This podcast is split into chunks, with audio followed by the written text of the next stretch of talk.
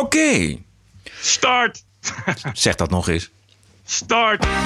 This is the TPO podcast. Klimaatverandering zorgt voor kindhuwelijken. Omdat er gewoon absoluut geen geld meer is, kwam er op een bepaald moment een oudere man in het dorp. En eh, die biedt de ouders 25 euro om met haar te trouwen. Henk Otte weg bij Forum voor Democratie. Maar gaat hij alleen? Er zijn meer mensen binnen deze partij die hier heel ongelukkig mee zijn met de gang van zaken. Dus ik sluit ook niet uit dat er meer mensen zich uh, nog uh, af gaan splitsen in de toekomst. Dilemma van de week. De boerka onderdrukt. Maar het verbod op de boerka ook. Ik denk dat per 1 augustus ik zodanig beperkt ben dat ik dan onderdrukt word. En Amerikaanse democraten ten einde raad. Uh, look, I, I would be delighted uh, if we had a prospect of removing him through impeachment, but we don't. Aflevering 131. Ranting and Reason. Bert Bresson. Roderick Phalo. This is the award-winning TPO podcast. Het is maandagavond 29 juli. Hoe gaat ie met Bert? Geweldig. Geweldig. Als altijd. Ja. Als altijd het zonnetje in huis. Ja, hè? Ja. Ja, het zonnetje in huis en het zonnetje buitenshuis. Zondagavond 10 over 7 was het. Officiële bekendmaking door Forum voor Democratie. De partij eh, beëindigt het lidmaatschap van Otte, Henk Otte. Uh, financiële malversaties en bestuurlijk wangedrag onaanvaardbaar, schrijven ze. En we verzoeken hem conform de afspraken zijn zetel aan de partij ter beschikking te stellen. Uh, Henk Otte dus definitief exit. Volgens Otte zelf ging het mis na de grote overwinning tijdens de provinciale statenverkiezingen. Ja, het is een gradueel proces uh, dat al langere tijd liep, denk ik. Maar als je nu moet zeggen waar is het echt misgegaan, dat is toch wel na de uitslag op 20 maart. toen het succes van Forum, wat toen natuurlijk heel groot was. ja, ik denk hem toch wel Baudet naar het hoofd is gaan stijgen. Dat hij toen de partij helemaal naar zijn eigen beeld wilde gaan vormen. En alle mensen die daar alles over dachten, die moesten maar verdwijnen.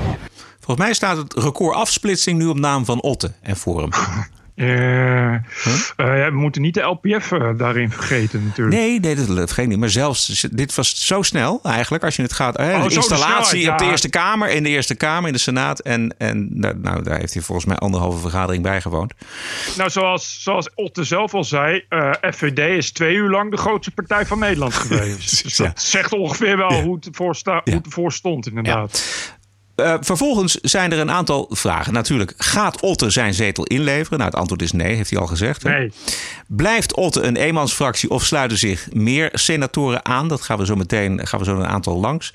Um, hoe groot is de onvrede, gelijk aan die van Otte, hè, binnen Forum? En wat vinden kiezers ervan?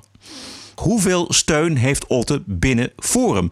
En dit zegt hij er zelf over. Er zijn meer mensen binnen deze partij die hier heel ongelukkig mee zijn met de gang van zaken. Dus ik sluit ook niet uit dat er meer mensen zich uh, nog uh, af gaan splitsen in de toekomst. Ook in de provincies en ook in de Eerste Kamer. Wie? Nou, daar ga ik nu geen namen noemen, maar uh, er is wel degelijk onvrede over de koers en over de, ja, de autocratische manier waarop Baudet nu deze partij wil, aan het leiden is. Ja, dit is Henk Otte dus voor de microfoon van één vandaag. Uh, Bert, ik, ik, zou graag met jou eventjes de elf overgebleven Forum-senatoren langs gaan. Mm -hmm. Om te kijken wie er dan eventueel in aanmerking komt om zich aan te sluiten bij Henk Otte. Laten we even beginnen met de, de fractievoorzitter Paul Cliteur. Um, vertrouweling van Baudet. Volgens mij gaat hij niet overstappen. Nee. nee. Annabel Nanninga? Nee. Ja, ik, ik bedoel, uh, voor zover ik weet, lijkt, dat lijkt me niet. Want ze hebben net nog uh, samen een hoop andere fractievoorzitters uh, die open brief ondertekend. Ja. Dat ze, dat ze achter het, achter het huidige, huidige koers staan. Ja, dus. precies. En bovendien is zij geen afsplitser volgens mij. Ze, ze houdt er nee. wel een nuchtere koers op na, maar ze is, nee. Ja, die, die zit bovendien, ja, vooral Amsterdam. Dus, en, nou ja, goed, en, en, en senator, maar, maar haar ding is natuurlijk Amsterdam. Die. Amsterdamse gemeenteraad. En uh, daarin, daarin is eigenlijk uh, uh, voor, vooral een status apart met, met de mensen die daar in de fractie zitten. Wat, wat eigenlijk bijna los van, van, van de landelijke FVD-koers ja. zweeft. Dus het lijkt, dat lijkt me sterk ja. dat zij zelfs ook maar de behoefte voelt om over te stappen. Paul Frentrop. Weet ik niet, ik heb niets van gehoord. Nou, wat ik gehoord heb is dat Otte hem een veeg uit de pan geeft uh, in een uitzending van Nieuwsuur. Dus dat lijkt me uh -huh. geen vriend van Otte. Dus die lijkt me ook niet dat hij gaat overstappen. Oké. Okay. Uh, dan Jeroen de Vries, persvoorlichter van Forum. Ja, dat heb ik. Dat, daarvan eh, begrijp ik eh, dat hij wel eens een eh, kandidaat zou zijn om over te stappen. Hoezo? Eh, dat eh, via bronnen die eh, mij, mij dat bevestigen. Maar dat is. la- laat ik zeggen dat, dat, dat wat ik ervan weet, dat het een, een persoon is waarvan opgerekend kan worden dat. Oké. Oké. Ik, ik, maar de, dat is allemaal. Het is allemaal speculatie hoor. dit, hè? Laten is we dat allemaal even- speculatie. ja. Precies, precies. Wij, doen- wij, doen ook, wij maken ook maar een podcast. Ehm, dan hebben we Nikki Pauw Verwij. Zij is een arts. Zij is promovenda aan het VU Medisch Centrum. Zij is volgens mij een buitengewoon nuchtere dame. Ik kan me dat ook niet voorstellen. Maar ik, ik, ik moet zeggen dat ik al die mensen niet ken. Nee, oké, we weten, we weten ook niet zoveel van ze. Ik ga even Nee. door. Doreen Rookmaker. Zij is eh, risicomanager voorheen D66. Eh, Hm. Maar omdat zij risicomanager is, zal zij toch zeker toch eventjes de kat uit de boom kijken, volgens mij. Nou, then again, voorheen D66. Ja. dat biedt natuurlijk altijd extra risico. Ja, zeker wel. Zeker wel. Eh eh, Lennart van der Linden. Dat is een eh, jonge man. Voorheen wethouder te Barendrecht. Hmm. Weten we niet veel van. Loek van Wely. Dat is een topschaker uit Tilburg. Hij is grootmeester. Hij kan heel goed eh, simultaan schaken. Dus ik denk dat hij op meerdere, Serieus? meerdere borden wet. Ja, dat zou best kunnen. Ja. Ja, die, die heeft in zijn hoofd al, Een aantal al twee, twee, twee partijlijnen al eh, jaren vooruit uitgedacht. Ja, ja precies. Dan hebben we Johan Dessing. En dat is ehm, iemand met het uiterlijk van de broer van Paul Cliteur. Ik weet niet of Paul Cliteur een broer heeft, maar je zou zeggen dat is een broer. Die heeft precies hetzelfde baardje, et cetera. Hij is een, eh, een nuchtere eh, verkeersleider. Althans, hij werkt bij de luchtverkeersleiding op Schiphol. Oh nee, ja, maar dat, dat lijkt me ook niet. Dat, zijn ook, dat lijkt me ook een hele nuchtere jongen verder. Twan Beukering. Nee, maar wacht even. Die nuchteren die kunnen wel eens eh, vallen voor Henk Otte. Om- Omdat zij. Baudet natuurlijk misschien iets te boreaal vinden... en iets te romantisch en iets... hè? Ja, eens. Eens. Nee, maar dat begrijp ik. En, en, en, maar dat, dat vinden ze waarschijnlijk allemaal wel. Want kijk, ik denk dat, dat, dat al die senatoren eh, en, en sowieso alle FVD-kopstukken wel eh, iets van die kritiek van Henk Otte delen. Namelijk dat, dat, dat Baudet wel eh, net af en toe eh, net iets te boreaal is. En dat wat je zegt. En eh, ik vermoed dat de meeste FVD'ers zijn speech ook net iets te lang vonden, weet je wel. Maar dat is wat anders dan, dan dus dan maar nu uit die partij gaan stappen en met iemand als Henk Otte een nieuwe partij gaan, gaan beginnen. Of daarin mee, met alle gevolgen van dien. Ja. Dat is natuurlijk echt een, een eh, dat is natuurlijk wel echt het tegenovergestelde weer. Dat, dat doe je niet zomaar. En ik, het lijkt me als je heel nuchter bent, dat je dan in elk geval. eh, zelfs als je het daarmee eens bent, als je zegt van ja, ik, ik, ik begrijp wel Otte wel, want ik voel me ook niet lekker. Volgens mij ga je dan alsnog zeggen van ik wacht nog even. Ja. Ik bedoel, Ja, het kan- is nu, kan, nu ja. geen moment. Nee, nee. Ehm, maak even het lijstje af. Eh, Twan Beukering. Hij was kandidaat voorzitter van de Eerste Kamer... en had een onhandige uitspraak over makkerschapen en de holocaust. Twan Oh, Beukering. hij, ja. Ja, Oud maar dat is, dat, is, dat is die oud, oud generaal. Ja. Of wat is het? Ja. Ja, die zou nog wel eens kunnen, ja. Ja. denk ik. Ja. Is dan wel iemand die, die denk ik nog wel kan vallen voor, voor, voor die methode Otte. Ja. En dan hebben we nog tot slot Bob Pareren. Hij is eh, de penningmeester van het stel. Ja. dat, zegt De genoeg. penningmeesters onder elkaar misschien. Misschien weet hij meer, nog meer van de Ja. en de rand dan, eh, dan, dat, we, dan dat eh, de rest weet. Ja. Bert, wat vind jij van dat- de hele gang van zaken? Ja, ik vind het eh, een beetje LPF-ig allemaal. Nou, dat kunnen we Eh, zeggen, ja. En, en, en, eh, en ik, vind het allemaal heel, ik vind het allemaal heel onhandig. Ik vind het echt, want wat er gebeurde was dat, dat Baudet en Co. op deze manier eh Otte eruit wilden zitten. Maar dat het daarna natuurlijk, natuurlijk toch, niet, toch niet zo heel duidelijk allemaal was eh, wat ze beweerden. En dan krijg je dus dit, dan krijg je een over en weer van Otte die zegt nee, is niet zo. Eh, en dan inderdaad een, een, een account die zegt nee, ik weet ook van niks. En dan moet dan weer wat bij worden gehaald. En nu is Otto ook alweer dagen bezig op Twitter om te vertellen dat hij op die en die datum, dat en dit tijdstip, een pakje sigaretten heeft gekocht. Waarbij hij, waarbij hij hij de 33 cent aan naar BTW keurig heeft afgedragen. En de overige 12 cent heeft overgemaakt naar de Renaissance Instituut. Precies, en hij Dus- heeft gewoon nog zijn wachtwoord van het eh, hele eh, van het filebestand van, eh, van. Forum voor Democratie. Want hij, hij pleurt ze gewoon online, zeg maar, al die bewijzen. Ja. En het is, ik had, ik dacht wel van, van Thierry, ik, van Thierry had het, had, het, had het anders moeten doen. Die had dan, ja, hij had sterker moeten staan. Je, je- ja, het was, ik, ik vind het allemaal een beetje, hè, ook, ook een rapport wat door hem zelf geschreven was, wat dan heel wat lijkt. Eh, en uiteindelijk, maar waar dan ook weer geen enkel bewijs in staat, waardoor je inderdaad, en wat dan dus inderdaad wordt gelekt aan geen stijl. Dus dat dan Otten moet gaan zeggen, ah, ik las het ook op geen stijl. Eh, ik ben nooit om wederhoor gevraagd. Het is allemaal, voelt het als, eh, als in, eh, in grote woede. En eh, dat is allemaal heel erg onhandig. Ja. Kijken of je, of je meer boven water haalt. En dan kun, kun je nog zeggen: Oké, dit is een echt een goede reden om iemand uit te zetten. En ik begrijp gewoon de haast niet zo om hem te willen royeren. En het voelt dus inderdaad, zoals Otte zegt. Ja, als, als, ja, als een dolk in de rug. Als, als ik wil deze nu eruit duwen, want hij heeft iets gezegd wat mij niet aanstaat. Onhandig gespeeld met te veel risico's eigenlijk. Dit, had niet, dit had eigenlijk niet gehoeven. Eh, nee, dit had zeker niet zo gehoeven. Eh, en ik denk dat eh, op de PVV na eh, veel partijen spelen nog veel meer dingen. Nemen, hè, dingen ja, nemen D66 ten tijde van Pechtold. Eh, het is natuurlijk altijd, altijd eh, iets waar heel veel ego's clashen.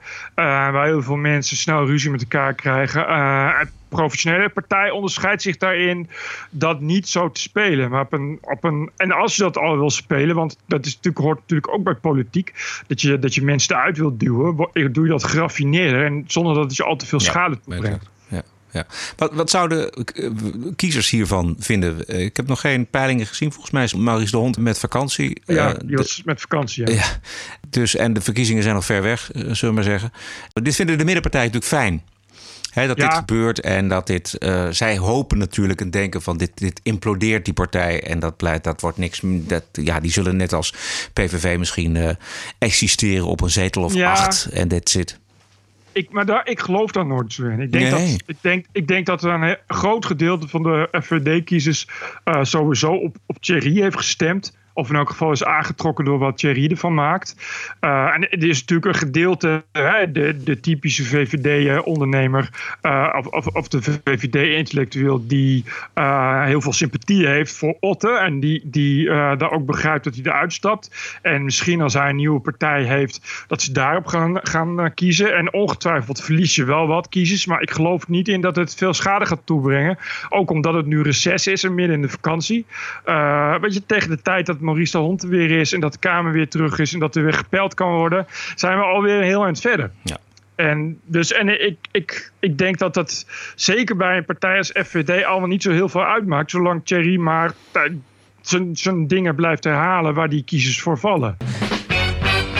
This is the TPO podcast. Eh, Dan het boerkaverbod. Dat gaat vanaf donderdag gelden. Zaterdag zat er een eh, bekeerde Nederlandse dame met een boerka in Nieuwsuur. En het blijkt dat het opperwezen niet alleen wil dat haar lichaam verborgen blijft, maar ook haar stem. Ik zie het dragen van bedekte kleding als een aanbidding. En dat is mijn spirituele ervaring. Als ik zo naar buiten loop, dan zal Allah tevreden over mij zijn. We horen nu niet uw echte stem. Waarom is dat? Een burka is het bedekken van alles. En dat betekent dat niet alleen jouw lichaam, maar ook jouw stemgeluid bedekt zou moeten zijn. In dit geval is het wel nodig om mijn stem te laten horen, maar dan liever niet mijn eigen stem. Ja, en toch is het raar, want in het dagelijks leven heeft ze natuurlijk niet een stemvervormer bij zich die ze dan gebruikt. Dus zeg maar, eh, bij de groenteboer kan ze gewoon eh, haar boodschappen doen. Ja, dat kan gewoon. Jij denkt, jij, jij denkt dat deze mevrouw boodschappen doet? Oh ja, nou, nee, ik heb het gezien op de wel, beelden van, op de, op de beelden van, eh, van Nieuwsuur. In een confrontatie met een andere mevrouw bij de groenteboer worden eigenlijk alle problemen rond de boerka even samengevat. Wat vindt u ervan dat mensen met een boerka rondlopen? Ja, je weet nooit wie er achter die persoon zit. Daar kan wel iemand, heel iemand anders achter zitten. U zegt van u vertrouwt het anders niet, want ik wil weten wie er achter, achter... Ja, ik wil weten wie erachter zit. Maar wat zou er dan moeten gebeuren? Bent u dan bang dat ik u aanval? Of bent u dan... Nou, daar krijgt u geen kans voor. Laat ik dat even voorop zetten. ik ben ook niet van plan om u aan te vallen, mevrouw. Dus dat, daar hoeft daar u ook... krijgt u absoluut... Ja, maar u zegt het, bent u bang. Maar waarom zou ik u dan moeten aanvallen als u... Ja, je weet niet wat er allemaal onder zit. Ja, maar u kunt mij ook aanvallen en ik weet wel hoe u eruit ziet. Ja, ik, ik heb niks te verbergen. U verbergt uw gezicht. Ja, maar daar heb ik een reden voor. Dat is mijn religieuze overtuiging. Ja, dan moet u in een land zijn waar dat toe is gestaan. Dan moet u daarheen gaan. Maar mevrouw, kunt u het zich voorstellen dat ik continu allerlei opmerkingen naar mijn hoofd krijg en dat mensen mij fysiek willen aanvallen? Ja, dat kan ik me best voorstellen. U vindt dat het eigenlijk toegestaan is dat een, een vrouw of een man mij aanraakt en mijn gezichtsbedekking bijvoorbeeld wil aftrekken? Of dat een Ja, man en een vrouw... Dat mogen ze van mij. Snapt u dat, dat mensen dat doen? Ergens wel. Wij leven in ons land. En als zij in ons land willen leven, moeten ze zich aanpassen naar de Nederlanders. Klaar. Wat ik net al zei, ga naar uw eigen land waar het wel toe is gestaan. Dan is ze hier geboren. Ja, dan heeft ze pech gehad. Dan moet ze zich toch aanpassen. Maar straks gaan haar kinderen ook zo. Doen ze al. Wou net zeggen. Dat bedoel ik. nou. Vindt u dat nog erger, dat haar kinderen dat ook zo dragen? Ja, ik vind, ik, ik vind dat nog erger. De kinderen moeten opgroeien zoals wij hier opgroeien. Ja.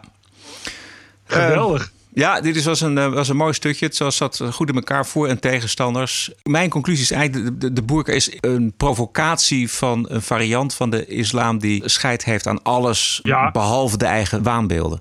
Yep. Yep, dat, dat, dat is het sowieso. Het is echt, ook echt bedoeld eh, om, om, ja, om dat te doen. Om inderdaad te zeggen, ik scheid me gewoon volledig van jullie af. Ik, ik respecteer jullie democratie niet. Ik respecteer de maatschappij niet. Jullie geloof niet. Ik, ik, doe alleen, ik ken alleen mijn islam.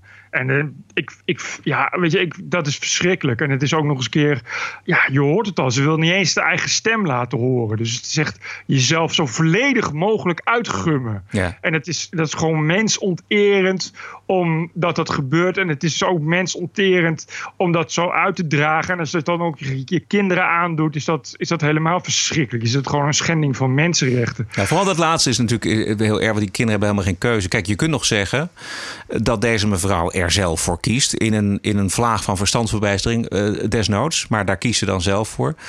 Ik kan geen reden bedenken waarom we dat zouden moeten accepteren. Dat mensen er zo bij lopen in Nederland. Nee, dat is, dat is ook geen enkele reden. Het is ook, ik, het is ook een onzin, een, een rare drogredeneren. Ja, want het is mijn religie, dus dan moet je het accepteren. Dat is onzin, want, want we hebben, je kan, je kan, dan kun je net zo goed zeggen... ja, ik ben katholiek, dus ik wil graag raketten kunnen verbranden. Weet je, dan is ook niemand die zegt van... eh, ja, dat is, oké. Ja, dus dat, dat voorbeeld is natuurlijk niet omdat je dan mensen moet gaan verbranden... wat niet hetzelfde is een boerka, want dat doe je jezelf aan. Weet je, maar dat is niet alsof dan... ja, het is een religie, dus dan moet je alles maar accepteren. Dan zeg je van ja, maar dat, dit past gewoon niet in een, in een normaal normen- en waardebesluit... Wat we, wat we nu in Nederland hebben. Bovendien past het gewoon niet in ons idee van opvattingen over mensen... of over mensenrechten of over vrouwenrechten. Dus, dus moet, je dat, moet je dat... En wat, en wat die mevrouw net zegt, ben ik het echt volledig mee eens. Als je dat dan wil, dan moet je lekker naar Saoedi-Arabië gaan. Of, eh, of Afghanistan of zo. Dan moet je gewoon lekker emigreren en, naar, een naar een land gaan waar dat wel normaal is. Wat doen die mensen hier dan? Die wel in Nederland wonen en wel van alle faciliteiten gebruik maken. Want dan zit de groenteboer op de hoek en er is überhaupt groente en betaalbaar. Als het niet eh, lukt om werk te vinden met een boerka, wat niet lukt omdat je een boerka hebt, krijg je een uitkering. Maar dan wel eh, een boerka willen dragen. Weet je, ja, ga, ga dan lekker ergens naartoe waar, waar andere mensen dat ook hebben. En daar, waar ze religie wel begrijpen en waar ze ook in de middeleeuwen nog leven. Regelmatig breng ik eh, de kinderen naar school samen met mijn man. En eh, als het gedeeltelijk boerverbod ingaat, dan betekent dat ik dus niet meer mee kan gaan.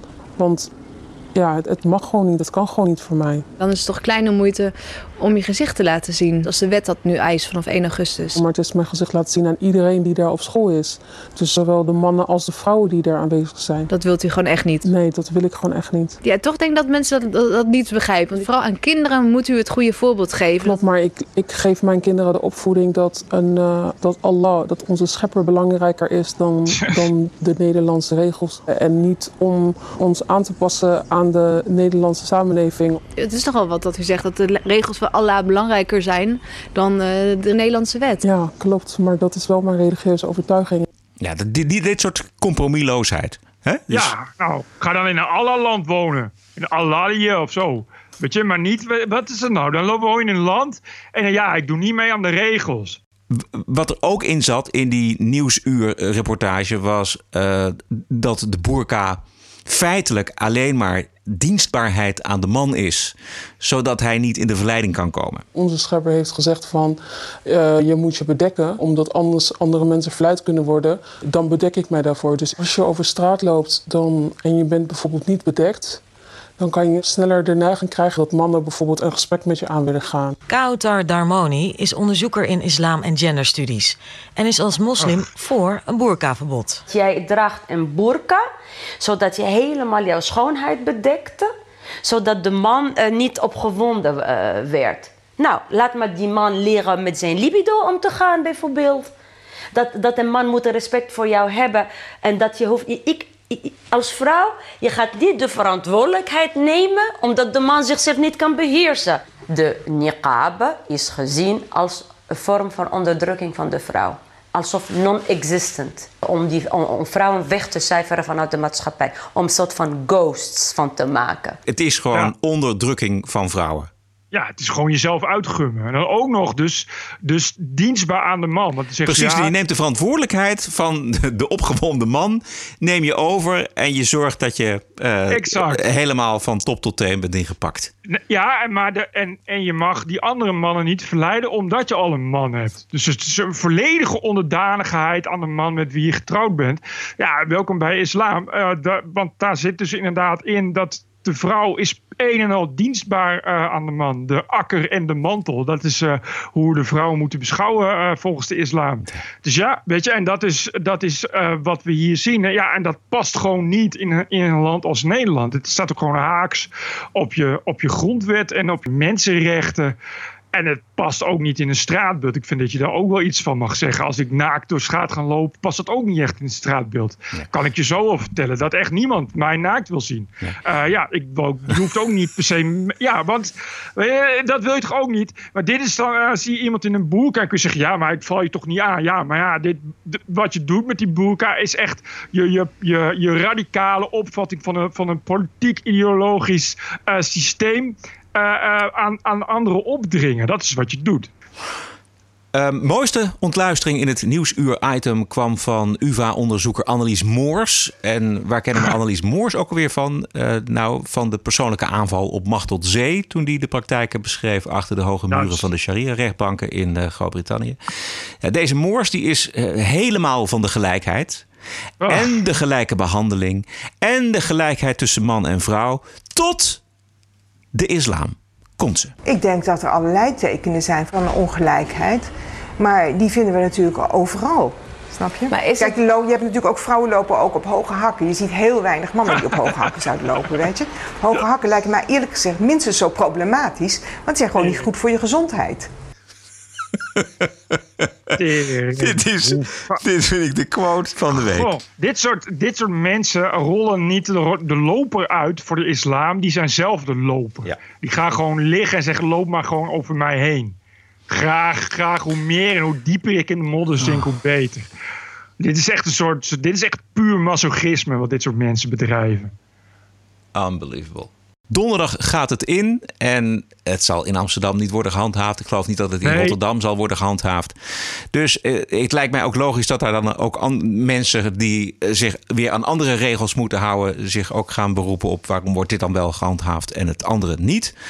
Uh, dus dat wordt een, uh, een gezellige anarchistische bende in Nederland. Althans, Ja, in ieder is, geval eh, in de steden Amsterdam en Rotterdam. Dit is eh, allemaal eh, echt ook om, om polarisatie te voorkomen en dat soort dingen. Is het allemaal heel handig gedaan. Het, is het schiet echt lekker op.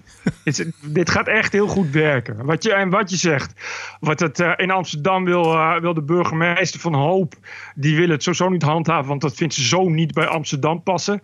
En, en daar heeft ze moeite mee. Dus ja, dan gaan we maar geen wetten handhaven. Zo gaat dat kennelijk tegenwoordig in sommige steden bij sommige burgemeesters. Terwijl in diezelfde stad mag niet meer show de boule en niet meer barbecue en geen lachgas meer gebruiken. Je mag ook niet meer meer dan twaalf mensen op een bootje. Je mag niet meer staan op een terras. Je mag het terras niet meer op zoveel, zoveel centimeter buiten zetten. Je mag eigenlijk heel weinig in die stad. Maar wordt allemaal niet Eh, gehandhaafd, Bert. nou, eh, dat wordt eh, of wel gehandhaafd, terwijl er wel heel veel dingen zijn waarvan je zou hopen dat die worden gehandhaafd. Bijvoorbeeld de verkrachtingen of liquidaties op straat. Uh, en die worden niet gehandhaafd. Die worden zo erg niet gehandhaafd dat de, de ombudsman, de plaatselijke ombudsman, uh, erover spreekt dat de overheid langdurig onduldbaar afwezig is. Dus het zou wel eens kunnen dat op een dag die mensen die toch graag zouden zien dat er eens een keer wat echt wordt gehandhaafd in die lieve stad van hoop, inderdaad zich ook gaan beroepen op allerlei regeltjes en naar de rechter stappen. En daar konden ze wel eens heel erg gelijk in hebben, overigens. Podcast.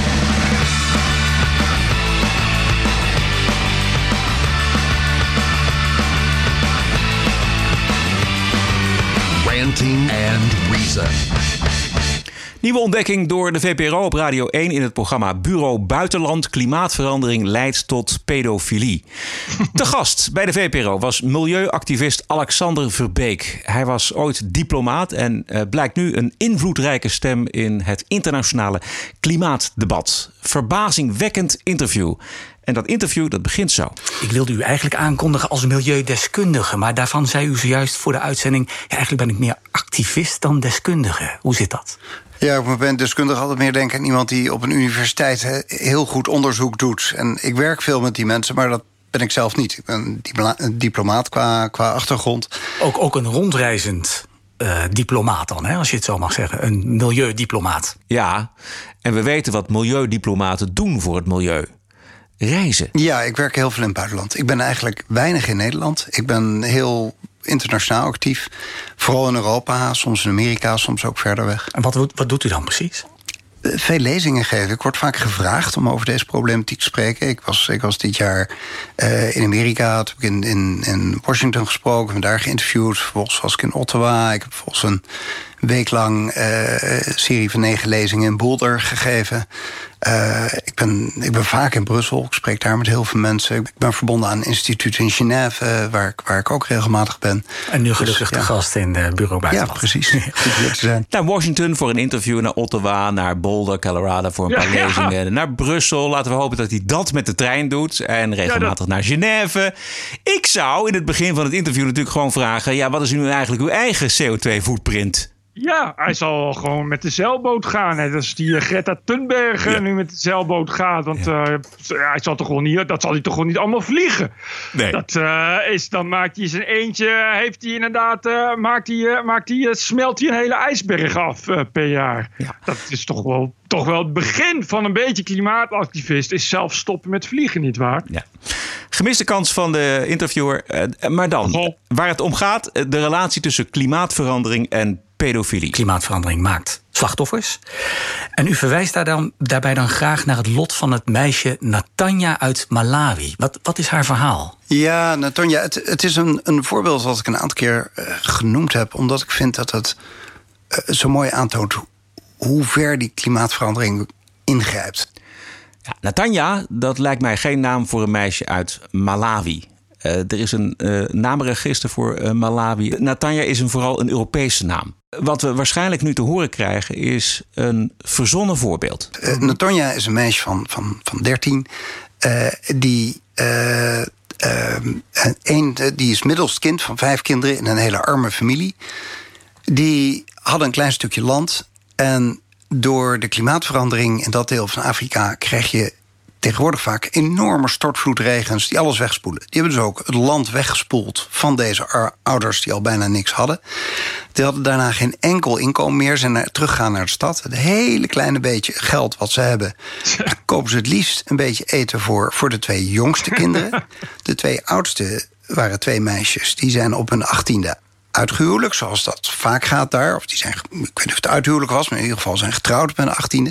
dat, dat zouden ze ook met de middels met de Tonja willen doen. Maar omdat er gewoon absoluut geen geld meer is, kwam er op een bepaald moment een oudere man in het dorp. En uh, die biedt de ouders 25 euro om met haar te trouwen. En trouwen zeg ik je tussen aanhalingstekens. Dat die ouders hadden geen keuze. De kinderen gingen als gewoon dood van de honger.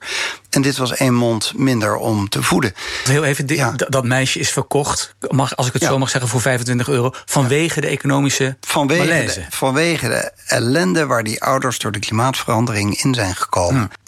Goh, dit is echt zo. Dit is echt, echt een stokoud propagandapraatje. Ja, het is jammer hoor- dat de interviewer niet even navraagt of dit mooie verhaal eh, ook echt gebeurd is. Of dat hij, eh, deze heer Verbeek, het alleen maar goed van pas komt in al zijn reizen. Want dit thema kent heel veel variaties. Dat hoorde vroeger op school ook al. Dat kinderen, kinderen in, eh, in, in arme kindertjes in Indonesië en in Thailand en in Vietnam, die werden dan verkocht. Want, eh, want ja, daar was er weer een mond minder om te voeden. Dus geef geld. Weet je, dit is, dit is, dit is echt, is echt zo'n heel standaard verhaal. Ja, ja ik, sorry, maar ik geloof hem gewoon niet. Nee, dit is gewoon gelul. Of gelul. En natuurlijk gebeurt het. Maar dat heeft verder geen fuck met, met het klimaat te maken. Tuurlijk, tuurlijk zijn er, het is, eh, er zijn eh, honderden miljoenen eh, extreem armoedige, armoedige mensen die in extreme armoede leven. En er worden inderdaad eveneens tientallen miljoenen meisjes verkocht. zelfs op jonge leeftijd om geld binnen te krijgen. omdat ze anders niet kunnen eten, noem maar, maar op. Maar het is natuurlijk, natuurlijk gewoon, heeft verder niks met klimaat te maken. Nee, Het is echt, ik bedoel, dat- dat, dat zou alleen zijn als, wat, wat hij zegt, ja, het is klimaat, dus ze krijgen enorme stortregens en oh, dus, oh, hebben die mensen helemaal geen geld meer. Ja, er zijn echt, echt, echt honderden redenen waarom mensen in armoede verkeren. Dat is niet per se klimaat. Nee. Sowieso stortregens, ja, dat, dat heb je in heel veel gebieden in Afrika. Heb je dat elk jaar, soms twee keer per jaar. Wat jij zegt, inderdaad, het, is, het, het komt natuurlijk voor, maar de manier waarop hij het vertelt en ook met die naam Natanja, dat is echt geen naam die voortkomt in de binnenlanden van Afrika. Ja, wat ik zeg, dit is echt zo'n zo'n zo'n typisch. Ja, dat gaat er ook bij zo'n bij zo'n bij zo'n bij zo'n bureau buitenland ouderling. Gaat het er ook echt ook al in als godswoord een dat is toch jammer. echt Dat is toch, er zijn ontzettend precies. Er zijn zulke leuke vragen te stellen aan deze man, waardoor het dan ook een echt gesprek wordt natuurlijk. Maar eh, feitelijk wordt hij uitgenodigd. Hij mag, eh, de kraan wordt aangezet en hij mag leeglopen. Ja, en die man is ook ex-diplomaat. Dus, dus dit, is, dit is, was ook zijn beroep. Ja. Ja, Een beetje, beetje mensen om je vinger winden. Want natuurlijk- ja, er zit geen enkele, geen enkele garantie van waarheid zit erbij. Nee. We gaan naar Amerika, Bert. The FM Talk Station. The Rush 24 7 Podcast. Los Angeles. And now, America's most exciting radio talk show, The Savage Nation. And we're here. How the hell did we get here? TPO Podcast. News Talk Radio 77, WABC, New York City. Oh, wat gebeurt er toch veel in Amerika. Dinsdagavond, woensdagavond deze week twee nieuwe debatten tussen de democratische kandidaten. Afgelopen week de getuigenis van speciaal aanklager Robert Mueller. Eh, daar kwam niet uit wat de democraten gehoopt hadden. Sterker, het liep uit op een drama. From the Democratic perspective, to me so far, it's been a bit of a bust. On optics, this was a disaster. A lot of Democrats in particular used the D word and branded this a disaster early on. This has been a disaster for the Democrats, and I think it's been a disaster for the reputation of Robert Mueller. Ultimately, it didn't land where the Democrats said. I did not think it went well. Uninspired, he was clipped, he was confused at times. He seemed lost at times. Appearing to not know basic fact patterns. It was like watching a passionate conversation with an answering machine. He wouldn't actually say what happened. I thought that was frustrating. and I expected perhaps uh, a little bit more forceful defense of this investigation. Uh, Bob Mueller's grasp and presentation of the underlying facts was not very detailed. There were also times when it seemed like he was unfamiliar with parts of the investigation. A very ineffective defense of his own work. What do you think the Democrats should do next? Two words. They should shut up. Dit die laatste payoff vind ik ook mooi. Maar wat ik ook mooi vond, was een, een passionate conversation with an answering machine. Die was erg grappig. Wie was dat die dat zei? Ja, dat weet ik niet wie dat was, maar dit is een compilatie Ah. van commentatoren in de Amerikaanse media. Zij konden er ook niet omheen. Het was verschrikkelijk. Hè? Het was echt ongelooflijk Al, erg. alweer. Ja, alweer. Oh, het, begint, het begint echt een beetje pijnlijk te worden ook. Dat, je, dat je denkt, hou nou eens op met wrijven in die vlek. En dan zie je de democraten nog harder wrijven. En dan zie je dat inderdaad nog meer pijn doen. En dan, dan, het is, Ja, wordt een ja. beetje zielig. Wordt het Ja, het dan. wordt heel zielig. Maar inmiddels lijkt toch eh, het wel een kwartje bij hier en daar bij een democraat gevallen. Dit is Adam Schiff. Uh, look, uh, I, I would be delighted uh, if we had a prospect of removing him through impeachment, but we don't. Jongen, dat is eh, wel een realisme wat ik nu ineens hoor. Ja, ja, ja, ja, ja. Komt hij wel snel mee, moet ik zeggen. Dat, eh, Lekker op tijd. Eerst even de totaal verziekte sfeer in het Amerikaanse congres. Want uh, dat er iets moet gebeuren aan die illegale immigratie, dat laten de opvangkampen en de criminaliteit wel zien. Het cynisme onder de Democraten viert hoogtij. Want zij hebben er baat bij dat die situatie zo slecht blijft, opdat ze Trump de schuld kunnen blijven geven. De frustratie bij de Republikeinen komt hun oren uit. You know, just last week I was horrified and deeply affected when Secretary McClellan told me that on, there are three ongoing cases where a small group of children, five to eight, in each case have been used by dozens of different adults to cross our border seeking release in the U.S. And my colleague's claim is we care. Uh, look, I'm going to stop. I'm not going to read this. this all, my, you know what? You know what is dehumanizing? Is continuing to bring the same witnesses or the same people from the same agencies to talk about this over and over and over again. What's dehumanizing is doing that and not doing anything about it. That's what's dehumanizing. It's talking about a problem, talking about a problem, talking about a problem, and never putting a solution up. I've talked about this almost at every one of these so far, especially in the last few weeks. And look, my Democratic colleagues have ideas. I may disagree with those ideas, but put a bill up. Ja, we hebben het vaker laten horen. Ook democraten zijn Juist. altijd voor een betere afgesloten grens geweest met Mexico in het verleden. Maar dat is allemaal veranderd omdat Trump er nu zit. We've heard that it doesn't work. We've heard from both administrations, the Obama administration and the Trump administration, that laws need to be fixed and worked on. But we we don't do it. What is dehumanizing is this hearing where we're going to talk about it again. And people come, and the folks in this audience, I'm glad you're here. We're trying to work on a problem. But don't accept another hearing. Accept some answers. Accept some bills being put forward. Don't be fooled again. This is becoming, unfortunately, a committee of press releases. That's it. Dehumanizing is taking people you say you care about but doing nothing for them. That's dehumanizing. Congress should pass legislation. I'll be very slow. Pass bills that matter. Ja, ik vond het indrukwekkend. Deze Collins, afgevaardigde van de Republikeinen. Wat een baas. Tijdens de hearings, ja. Maar weet je, Bert, ik zit eh, nu te kijken naar de Clinton Affair. Via NPO Start is dat. En dat begint eigenlijk als voor het eerst in 40 jaar de Republikeinen het Huis van Afgevaardigden veroveren. Ja. En wie zit daar aan het hoofd? Dat is ehm, Newt Gingrich. Ja. En Newt Gingrich is eigenlijk de eerste die zegt: met Democraten moet je niet meer praten. Democraten moeten we de oorlog verklaren. En dat gebeurt ook. Daarvoor had je nog dat Democraten en Republikeinen wel felle debatten voerden, maar nog na afloop een kopje koffie met elkaar gingen drinken of een biertje. Maar dat is eigenlijk sindsdien veranderd. En dat is nooit meer goed gekomen. En ik zie heel veel parallellen tussen wat, er, wat de Republikeinen toen deden richting Clinton en de Democraten. Dat is eigenlijk precies hetzelfde wat eh, de Democraten nu doen Exact. naar, naar de Republikeinen. En onder Exact. Obama is dat ook altijd hetzelfde geweest. Dus die sfeer is zo ontzettend verziekt. En op het moment dat ze de macht hebben, weten ze dat ze de bezittende president dwars gaan zitten ten koste van alles. Nou ja, precies. En in dit geval eh, ten koste van, eh, van, eh, van, zoals ze zelf zeggen, mensenrechten schendingen. En schendingen van kinderrechten. Nou ja, ik vind die baas die je net hoorde, die heeft natuurlijk een punt.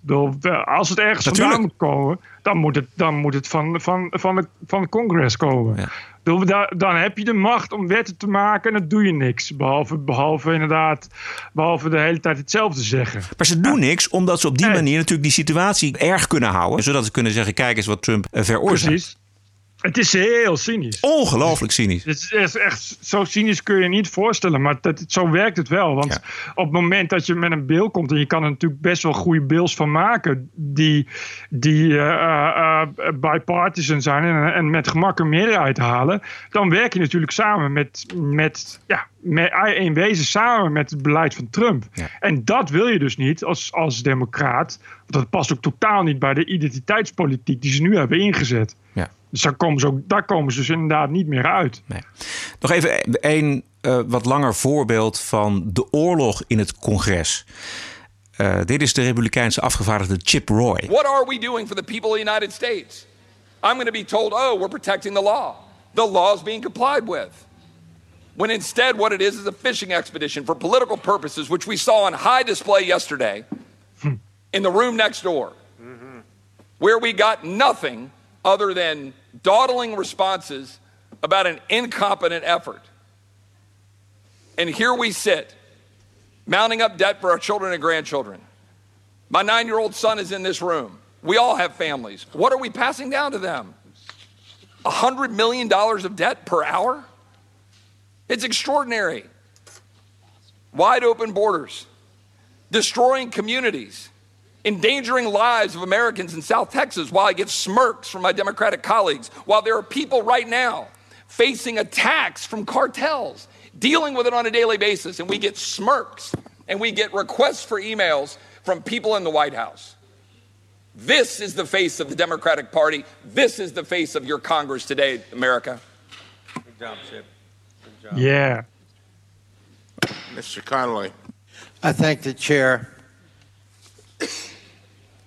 Ms. Connolly. I, I thank the chair. I have a, a motion. I do want to just say Dit is, dit is een, eh, de democratische reactie. shame on my colleague from Texas. No. Uh, to question the motivation of Democrats. Shame on this body. Yeah, I know. We've heard from you. It's my time. It's And my, you'll continue to hear from me. Uh, Wait a in minute. defense of this country. Mr. Chairman. Hold up. He has the time. I have the time. America deserves the time. Yeah. America deserves better than what it just heard from, Mr. Um, Mr. Chairman, I have a motion. Taking his ball and going home. Bye. Ziek hè, is de sfeer. Zeg. Ja. Ja, het is wel heftig zeg. Dit is echt heel heftig. De, Ja, man, ja. de man met de voorzittershamer, ehm, die je hoorde, ook eventjes eh, schreeuwen, is de zwarte democratische afgevaardigde Elijah Cummings. En deze Mhm. Cummings die is afgevaardigde voor het district Baltimore. Het gaat al heel lang niet goed met grote delen van Baltimore. Baltimore eh, staat op plek nummer 26 van de meest gewelddadige steden van de wereld. Hoge moordcijfers, sloppenwijken, corruptie, corrupte bestuurders. Daklozen. Daklozen, drugs, geweld, armoede.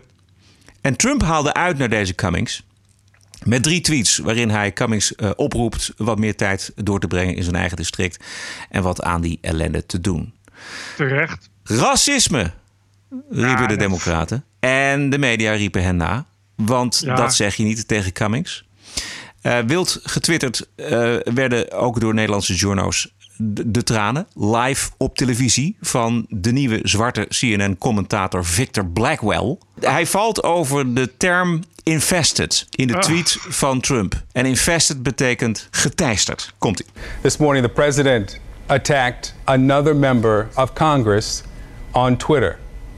This time, it's House Oversight Committee Chairman Elijah Cummings. He wrote this Cummings' district is a disgusting, rat and rodent infested mess. If he spent more time in Baltimore, maybe he could help clean up this very dangerous and filthy place. No human being would want to live there. Infested. That's usually reserved for references to rodents and insects, but we've seen the president invoke infestation to criticize lawmakers before. You see a pattern here? Ja, het patroon wat we moeten zien is dat alle afgevaardigden eh, van kleur zijn. Infested, he says. A week before his inauguration, January 2017. Congressman John Lewis should spend more time on fixing and helping his district, which is in horrible shape and falling apart, not to mention crime infested. September 2014, at the height of an urgent health emergency. Why are we sending thousands of ill trained soldiers into Ebola infested areas of Africa?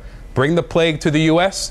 Infested, he says. The president says about Congressman Cummings' district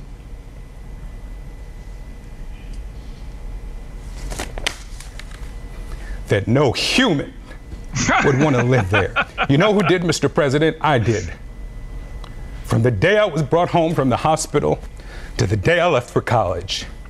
And a lot of people I care about still do. There are challenges, no doubt. But people are proud of their community. Ja. Ik heb daar eh, over getweet. Eh, namelijk Oh dat ik denk dat deze man natuurlijk gewoon een keurig pak aantrekt en naar de schmink gaat en de autocue heeft en die tekst Ja. eh, honderd keer heeft doorgelezen. En dat hij op het moment dat hij live gaat overmand wordt door deze emoties. En laat ik zeggen dat ik er nog wel vanuit wil gaan dat die emoties echt zijn. Maar als je op deze manier met de voorbeelden die hij gebruikt wil aantonen dat de tweets van Trump maar weer racistisch zijn, dat vond ik zo niet sterk. Ik heb het, het, het woord eh, ziek gebruikt. Dit is ook heel ziek. Ja, dat vond ik dus ook. Maar ik heb daar dus Het is op echt mijn heel op- slecht. Ik heb daar, ik vond het ook slecht. En toch zijn er mensen, eh, ook op mijn werk, die ik eh, hoog heb zitten, die daarover gevallen zijn dat ik het ziek noemde. Echt? Nou ja, omdat, kijk, omdat natuurlijk heel veel mensen. Kijk, wij kijken voor deze podcast heel veel naar die Amerikaanse televisie. Ja, We, kijken naar, we kijken naar CNN, we kijken naar eh, MSNBC, maar vooral ook CNN. En we zien een patroon bij CNN dat ze Ja. alles gebruiken om eh, de president eh, kapot te maken. En ieder schandaaltje gewoon opblazen en daar weken de zendtijd mee vullen. Maar, maar die, heel veel mensen zien dat niet. En die denken nog steeds dat CNN een hele keurige nieuwszender is. Ja, dan kom op zich. Zij zien toch ook gewoon dat hij zit te janken. Je kan, ik, kan me, ik snap het niet. Ik kan me niet voorstellen dat je daar naar kijkt. En dat je denkt: Goh, wat een oprechte, wat een oprechte emotie eh, bij die meneer. Bij, bij, bij Amerikaanse televisie. Ja, ik vind, dat- dus, nee, ik vind dat ook niet. Het zou best kunnen dat hij echt geëmotioneerd is. Maar juist dan vind ik het eigenlijk voor een nieuwsanker niet kunnen. Nee, daar is Rachel Maddows ook elke keer echt geëmotioneerd. Ja. My ass, dat, dat is gewoon show. Het is gewoon, gewoon het is showtime, het is, het, is, eh, het is televisie, wat je zegt. Het is niet dat hij daar ineens, eh, ineens, ineens tien minuten van tevoren die tekst heeft geschreven en dat voor het eerst leest en dan in tranen. Dit- Ik vind dit echt schoolvoorbeeld van typisch huilie-huilie doen. Ja. Flikker toch op, man. Bovendien, Trump heeft gewoon gelijk. Is- Ja, los daarvan, ja. ja. het zijn gewoon, het is, het is gewoon, gewoon, gewoon een soort shithole, dat soort steden. Waar, waar inderdaad toevallig eh, heel veel democraten de baas zijn. En waarbij, waarbij het aantal problemen in, in no tempo blijft toenemen. En het aantal moorden, waar al, waar al die, ook die Nederlanders over zeiken... Dat, dat, dat er zoveel vuurwapengeweld is in Amerika. Nou, het grote gedeelte van het vuurwapengeweld vindt plaats in steden waar ze een vuurwapenverbod hebben. En toevallig ook nog eens een keer onder, onder criminelen die meestal zwart zijn in de grote steden. Weet je wel? En dat is allemaal onder het bestuur van al die fijne, keurige democraten. die, nou ja, net als in Amsterdam en in Londen en al die steden. de hele dag bezig zijn met fijne symboolpolitiek. Ja. Maar de problemen maar niet wensen op te lossen. de- en als je, daar, als je daar woont, dan denk je inderdaad: wat een shit hoor. Woon ik hier maar niet? Wat, wat, inderdaad ge- geïnvesteerd is door, door, door, door, door getijsem en, en door. Door fucking vermin. Weet je, bedoel, wat, wat is daar nou mis mee? Hij, hij heeft toch niet. Alleen dat die, dat die man zwart is, is het ineens racisme. Hij huilt niet om wat we net hebben genoemd, namelijk alle ellende die er in die wijken plaatsvindt. En dat het al jaren plaatsvindt. En dat, dat die bestuurders zo corrupt als de neder zijn. Dat, dat eh, zorgt niet voor de emoties. Nee, hij voelt zich beledigd omdat hij daar Ja, maar- toevallig eh, gewoond heeft. Dat snap ik niet, maar dat heb ik nooit begrepen. Wat, wat- ja, weet je, ik kom ook uit een van de kutdorp, Bennekom. Dat als er iemand daar morgen een, eh, een eh, napalm op gooit, ben ik niet beledigd of zo. Ik begrijp, weet je, dat je kan. En wat als Rutte dit over Den Bosch zou zeggen, Bert? Ja, ik ga. Ik, ja, ik zou, het zou goed zijn als we in Nederland verslaggevers hebben die, die, dit soort, die dit soort uitspraken zouden kunnen maken als duiding. Dat, is, dat begrijpen we ook als, als imbeciele Hollanders die we zijn, begrijpen het ook een stuk beter. Maar ik, ik bedoel, ik, ik begrijp niet, want die, die CNN-jammeraar, die gebruikt als voorbeeld, weet je, communities en zo. Dus, dus je moet dan maar, eh, het idee is dat Trump al die sterke sterkere eh, eh, communities van zwarte mensen heeft hij ook tegelijkertijd aangevallen. Wat hij niet deed. Nee. Hij, hij zegt gewoon van die Cummings, jij wil de hele tijd een grote bek, je wil de hele tijd aan het jammeren, maar misschien zou je eens een keer wat moeten doen aan, aan, aan je Baltimore, of eh, wat is het, Precies. waarvoor je gekozen bent. Moet je misschien eens daar, daar gaan beginnen met de problemen oplossen. Want het zal ongetwijfeld zo zijn dat die Cummings zelf niet in een, in een project housing woont. Tussen allemaal drugsdealers en, eh, en werklozen, weet je wel. Maar er is er wel, wel bla bla bla. Maar ondertussen is, eh, gebeurt er ge- gebeurt helemaal niks voor al die mensen. Ja, ik moet nu de hele tijd denken aan dat interview met Candace Owens, wat door Playboy geweigerd was. Ja, vertel. Die zegt, dus ook, die zegt dus ook de hele tijd dit soort dingen. Want ik heb het helemaal gelezen. Eh, nou, en die, die, die, zegt dus, die zegt dus ook van...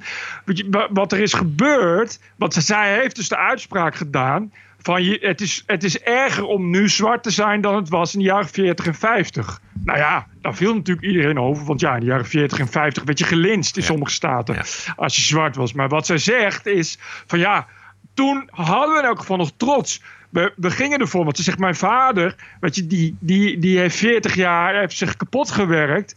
Maar alles met opgeven, oog, eh, opgeven hoofd. Nooit een dag ziek, nooit een dag, dag geklaagd. Omdat hij wist: ik moet, ik moet daar extra hard voor werken voor mijn gezin. Juist omdat ik zwart ben. Maar weet je, we halen daar kracht uit. Dus ze zegt van: De Democraten hebben, hebben ervan gemaakt dat we nu al die zwarte zielig moeten vinden. Die hebben allemaal een uitkering en die, die hebben allemaal geen opleiding. En die zitten allemaal, zijn, zitten ze werkloos thuis. Uh, en dus elk initiatief is die mensen ontnomen. En dat is, dat is wat, wat democraten gelijkend op de PvdA hè, in Nederland Precies, doen. ja, de slachtofferrol daar. En ze op die manier houden als electoraat voor hun partij. Denzel Washington, dat is een acteur, die is volgens mij ook republikein, een van de weinigen, en zwart. Die zegt ook altijd dit soort dingen. Die, zegt van, die zegt van, kijk naar mij, ik ben, ik, ik ben nu ook een Hollywoodster. Ik heb het allemaal zelf gedaan, maar je moet het wel doen. Weet je, eh, en dat is wat, wat ik hierin terug hoor. Die, die mensen die dus, ja, dus dan maar op televisie gaan huilen, want oei, iemand zegt iets wat misschien weliswaar zou kunnen zijn. Terwijl, weet je, grijp jezelf, trek jezelf eens uit het moeras. Ja. Schop jezelf eens onder de kont. Eh, doe, zelf, doe er eens dan wat aan, al die fijne communities. Die communities die zijn, die zijn eh, gevormd en gebouwd eh, door mensen die daar wel voor iets voor hebben gedaan. Weet je, die dus inderdaad in de jaren 40 en 50 eh, met, met elke dag dat gewicht van er eigenlijk niet bij horen en tweederangs burger zijn en achter in de bus moeten zitten, of wat is het voor in de bus, of, of in elk geval moeten staan en alle apartheid en de ellende die erbij hoort, hebben ze toch die dingen gebouwd. Waardoor jij nu eh, bij CNN kunt gaan zitten huilen. Dat zou leuk zijn als, ze- als, ze- als ze dat eens zouden meenemen. Het punt is ook een beetje, want het werd eh, ge- ge- geretweet door een aantal andere eh, journalisten in Nederland. En, Joh. Ja, en die vinden dat dan niet de moeite waard om de context te geven. Weet je wel? Dus, dus eigenlijk alleen maar zijn emoties erin en, en dat is dan voldoende. En dan eh, wordt er gezegd van ja, oh kijk eens wat erg. Wat is toch wel heel erg triest, heel erg zielig voor deze man. Het is toch gewoon pathetische bagger? Dat is het niet? pathetisch. Ik zocht al de hele de afgelopen twee dagen naar het, naar het woord en het is pathetisch. Dat ik, is het. Maar ik, ik snap gewoon echt niet dat er zoveel journalisten zijn die dat niet oppikken. Weet je, dat je, dat, je, dat, je, dat je dat dan inderdaad eh, met regenboogjes en hartjes gaat retweeten. Geweldig. Kijk eens wat, wat ja. Anti-Trump Bert, daar mag alles voor wijken. We gaan naar de bonusquote. Wat vind je daarvan? ja, laten we dat eens even lekker doen. TPO Podcast. Ja, de bonusquote die komt uit de hoge cultuur van het Nederlands toneel. eh, van acteur eh, Ramsey eh, Nasser. Of, of Ramsey Nasser. Hij schrijft op zijn Facebookpagina. Nu we dan werkelijk de heetste dagen ooit gemeten meemaken, nu wetenschappelijk is aangetoond dat het voor het eerst in de geschiedenis de aardbol overal opwarmt en niet lokaal, kunnen we dan nu de klimaatontkenners, de klimaatverziekers in de politiek, wetenschap, bedrijfsleven hiervoor aansprakelijk stellen. Mede namens hun eigen kleinkinderen. Dat is een vraag die me bezighoudt. Het is wettelijk mogelijk mensen te berechten. Haatzaaien is strafbaar. Wildplassen ook.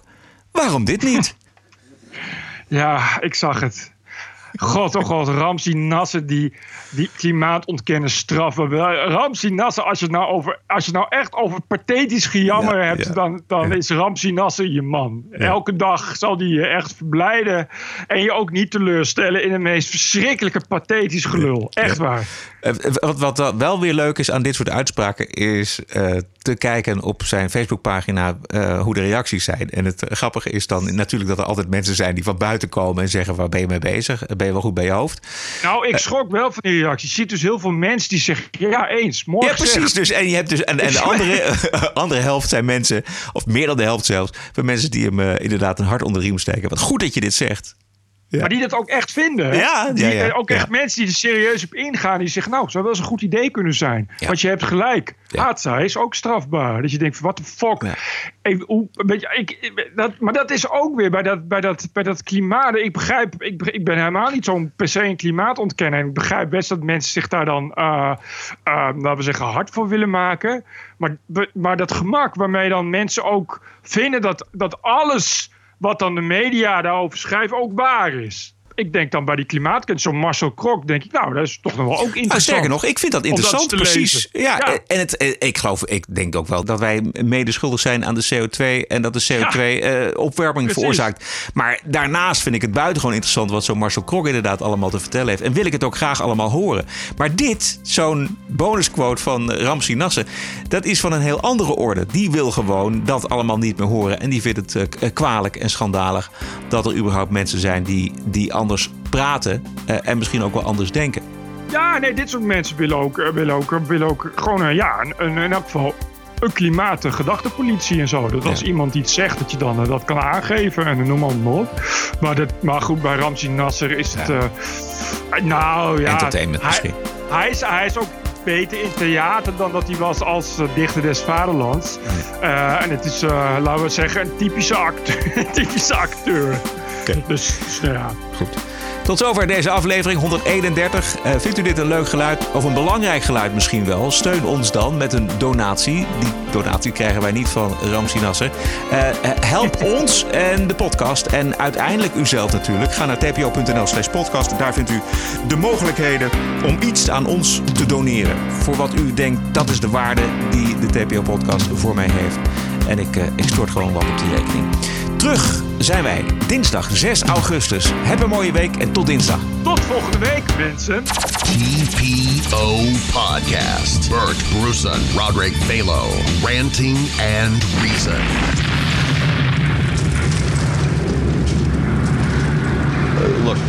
I, I would be delighted uh, if we had a prospect of removing him through impeachment, but we don't. Podcasting is the TPO podcast in the Netherlands. Bert and Roderick. What a show. I'm telling you. Trump isn't lying. Baltimore is hemmed up. Hemmed up. Oh, it's bad because Trump said it. Like, oh, come on, people. What is, what are we? What is we doing? Let Uncle Hotep put you folks on game. You know what the proper response to Trump? Okay, Trump, it, it, it's infested. Help us fix it. Help us fix it, Miss President 4-5. That's all that's all y'all should be saying right now. Not talking about whether it's racist or not, or whether it's should he be saying it or not, or whether Baltimore is really infested or infested is a racist term or not. I'm goddamn. 40 years I never heard anybody saying infested was a racist until 2019. I'm sick of y'all with this crap. And you guys still can't catch up with them. St- just stop. Just, just, just stop.